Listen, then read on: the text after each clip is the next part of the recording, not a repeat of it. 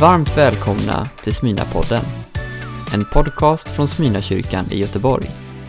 Idag så vill jag inbjuda dig att tillsammans med mig titta lite på den ganska okända profeten i Gamla Testamentet. En man som heter Habakuk. Och upptäcka det nästintill ofattbara sätt han lärde sig att hantera problem och stormar som han mötte.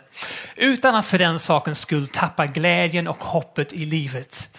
Därför vill jag gärna läsa dagens text tillsammans med dig ifrån Habakuks bok kapitel 3 och ifrån vers 16 till 19 där det står så här. Jag hör det och darrar i mitt innersta. Vid dånet skälver mina läppar. Benen i min kropp löses upp och jag går med vacklande steg. Jag väntar på att olyckans dag ska randas för det folk som angriper oss. Fikonträdet knoppas inte, vinstocken bär ingen frukt, olivskörden slår fel, fälten ger ingen gröda. Fåren är borta ur follan, hängnen är tomma på kor. Men jag vill jubla över Herren, glädja mig över Gud, min räddare. Herre, min härskare, är min styrka. Han gör mig snabbfotad som gasellen och jag kan löpa över bergen. Jag vill att vi ska inse idag, då vi har den här rubriken Hoppet, att nyckeln till Habakuks hopp, trots sina svårigheter, låg i hans tro. Mitt bland livets bottennapp och gropar så har Habakuk lärt sig en hel del om vad tro egentligen är och styrkan i att sätta sitt hopp till Gud i alla lägen. Detta förändrade hans perspektiv radikalt och gjorde för hans del all skillnad i just hans värld. Om vi stannar upp lite grann, om bara några dagar så träder vi in i ett nytt år. Och vem kunde ha anat nyårsafton 2019 att så många av våra drömmar och önskningar, så mycket som vi hade hoppats se under 2020 skulle krossas sönder under de efterföljande månaderna. Hur hade du reagerat om du i förväg hade uppfattat den effekten covid-19 skulle ha på vår planet som helhet? En världsomfattande pandemi lät mer som temat i den senaste Hollywoodfilmen snarare än den verkligheten där vi alla skulle spela viktiga roller. Trots den överhängande risken att Habakuk skulle paralyseras av rädsla just på grund av sina omständigheter så ser vi hur han utvecklar ett bergfast hopp och tro mitt i allt detta. Och i dessa verser i hans tre kapitel korta bok så önskar jag att vi den här dagen, att du och jag skulle upptäcka två saker som har med tron att göra och som kan hjälpa oss vara beredda att stå fast, full av hopp när de starka vindar blåser i just vår riktning. För det första så vill jag lyfta fram detta. Jag tror att hopp kan också innebära en hel del rädsla.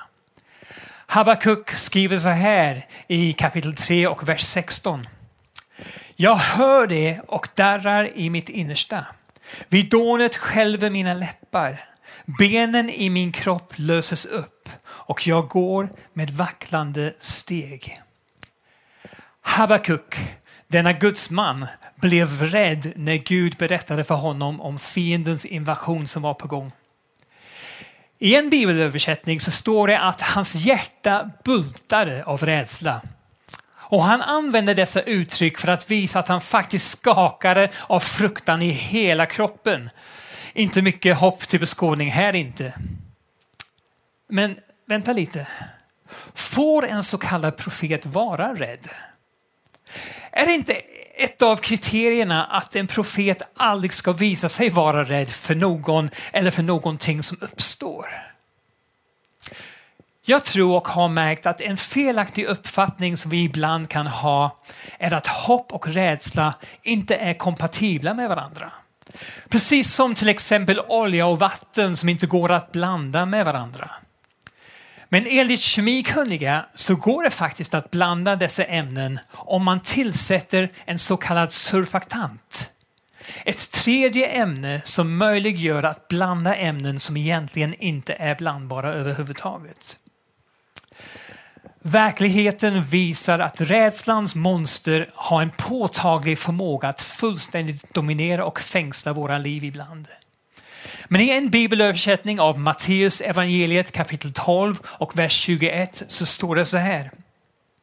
Hans namn kommer att vara världens hopp.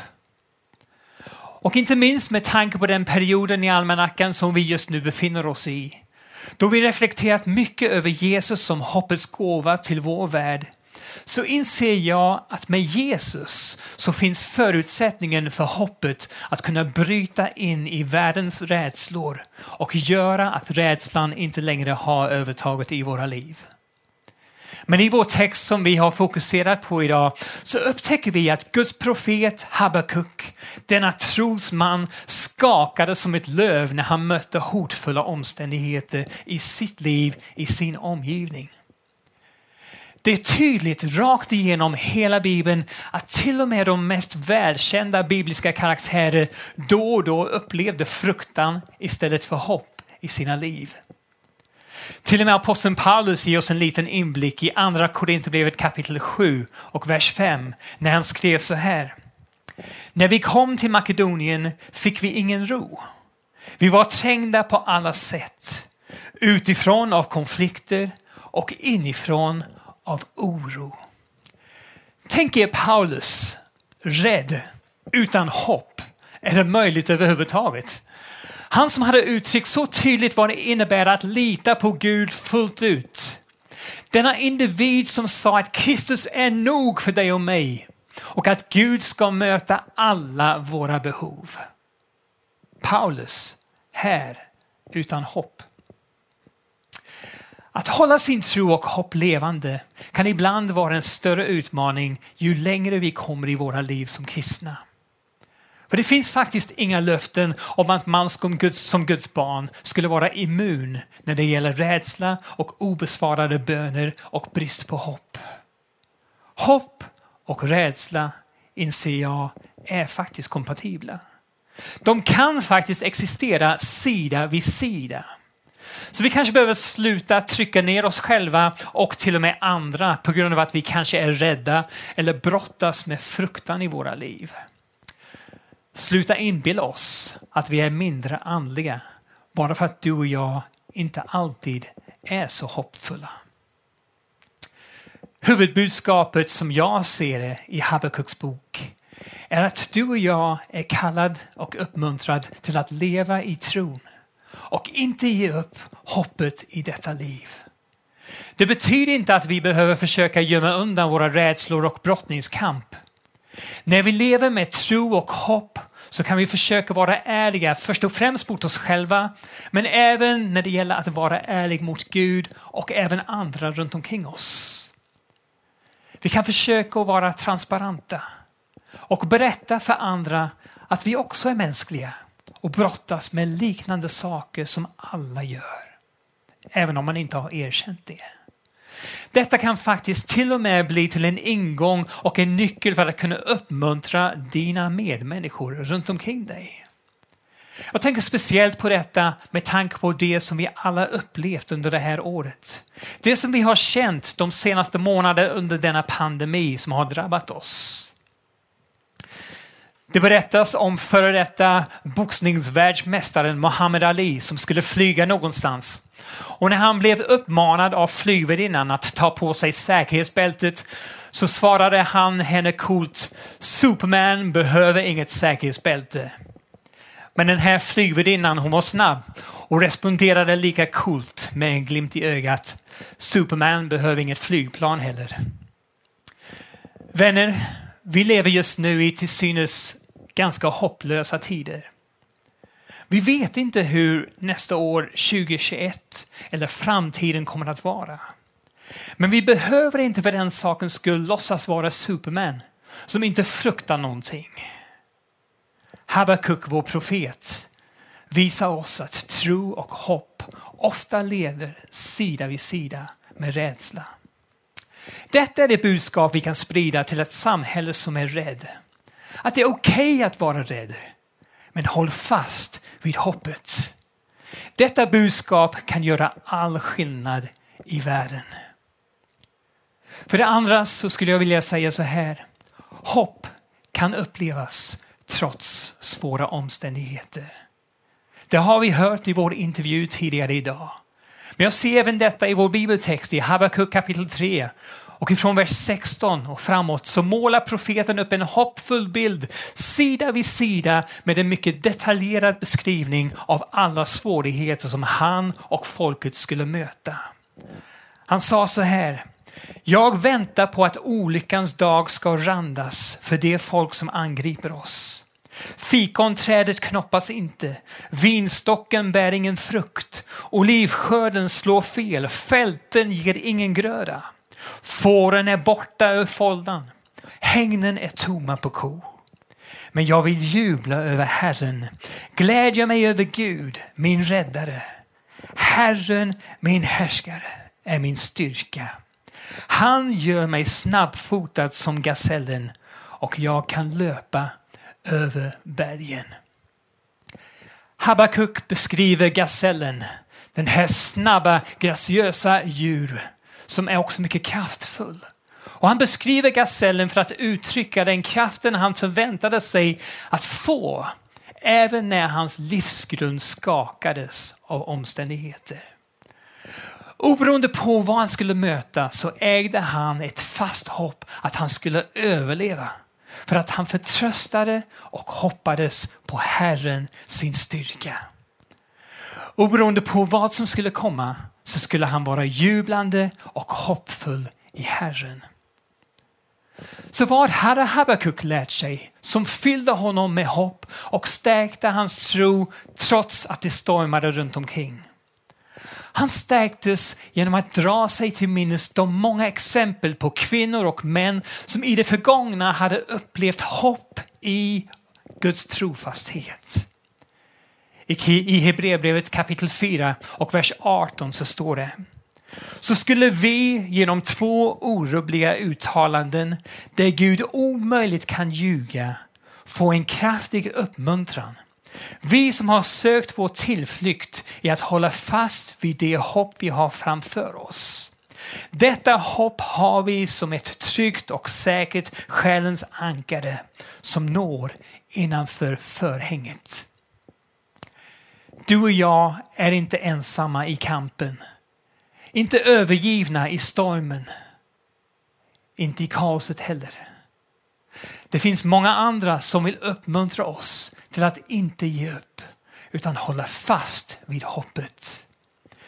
Men Habakuk han stärktes också genom att se framåt.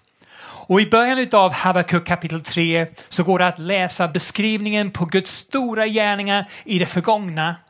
Men vi får också möjligheten att se en bild av vad Gud skulle göra i framtiden. Och det är en vacker, hoppfull bild som vi får se. En tid då Gud ska komma med all sin makt och ära. Befria sitt folk och göra allting nytt. Habakuk tog emot denna framtidsvision. Och visionen födde nytt hopp och tro inom profeten. Mitt i allt elände. Habakuk lärde sig att trots svåra tider, trots pandemier, trots förluster så skulle det hela sluta med ett slutgiltig seger och jubel. Habakuk lärde sig att historia, det förflutna, inte är slutet i sig utan en övergående period. En tidsperiod mellan Edens lustgård och en ny himmel och en ny jord.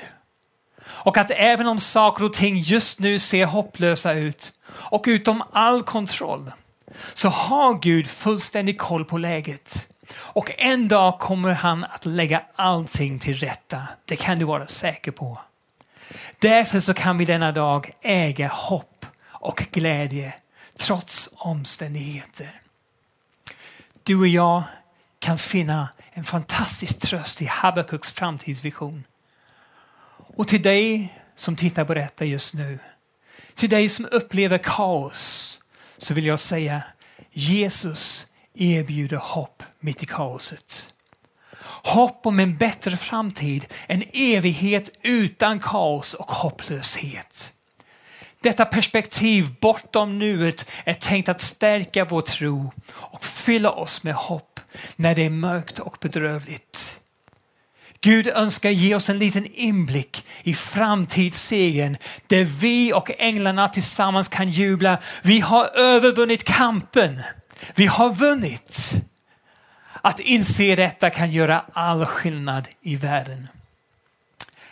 Jag tänker tillbaka och kommer ihåg när jag var yngre och riskerade att missa en fotbollsmatch med mitt fotbollslag Liverpool när den sändes live på tv.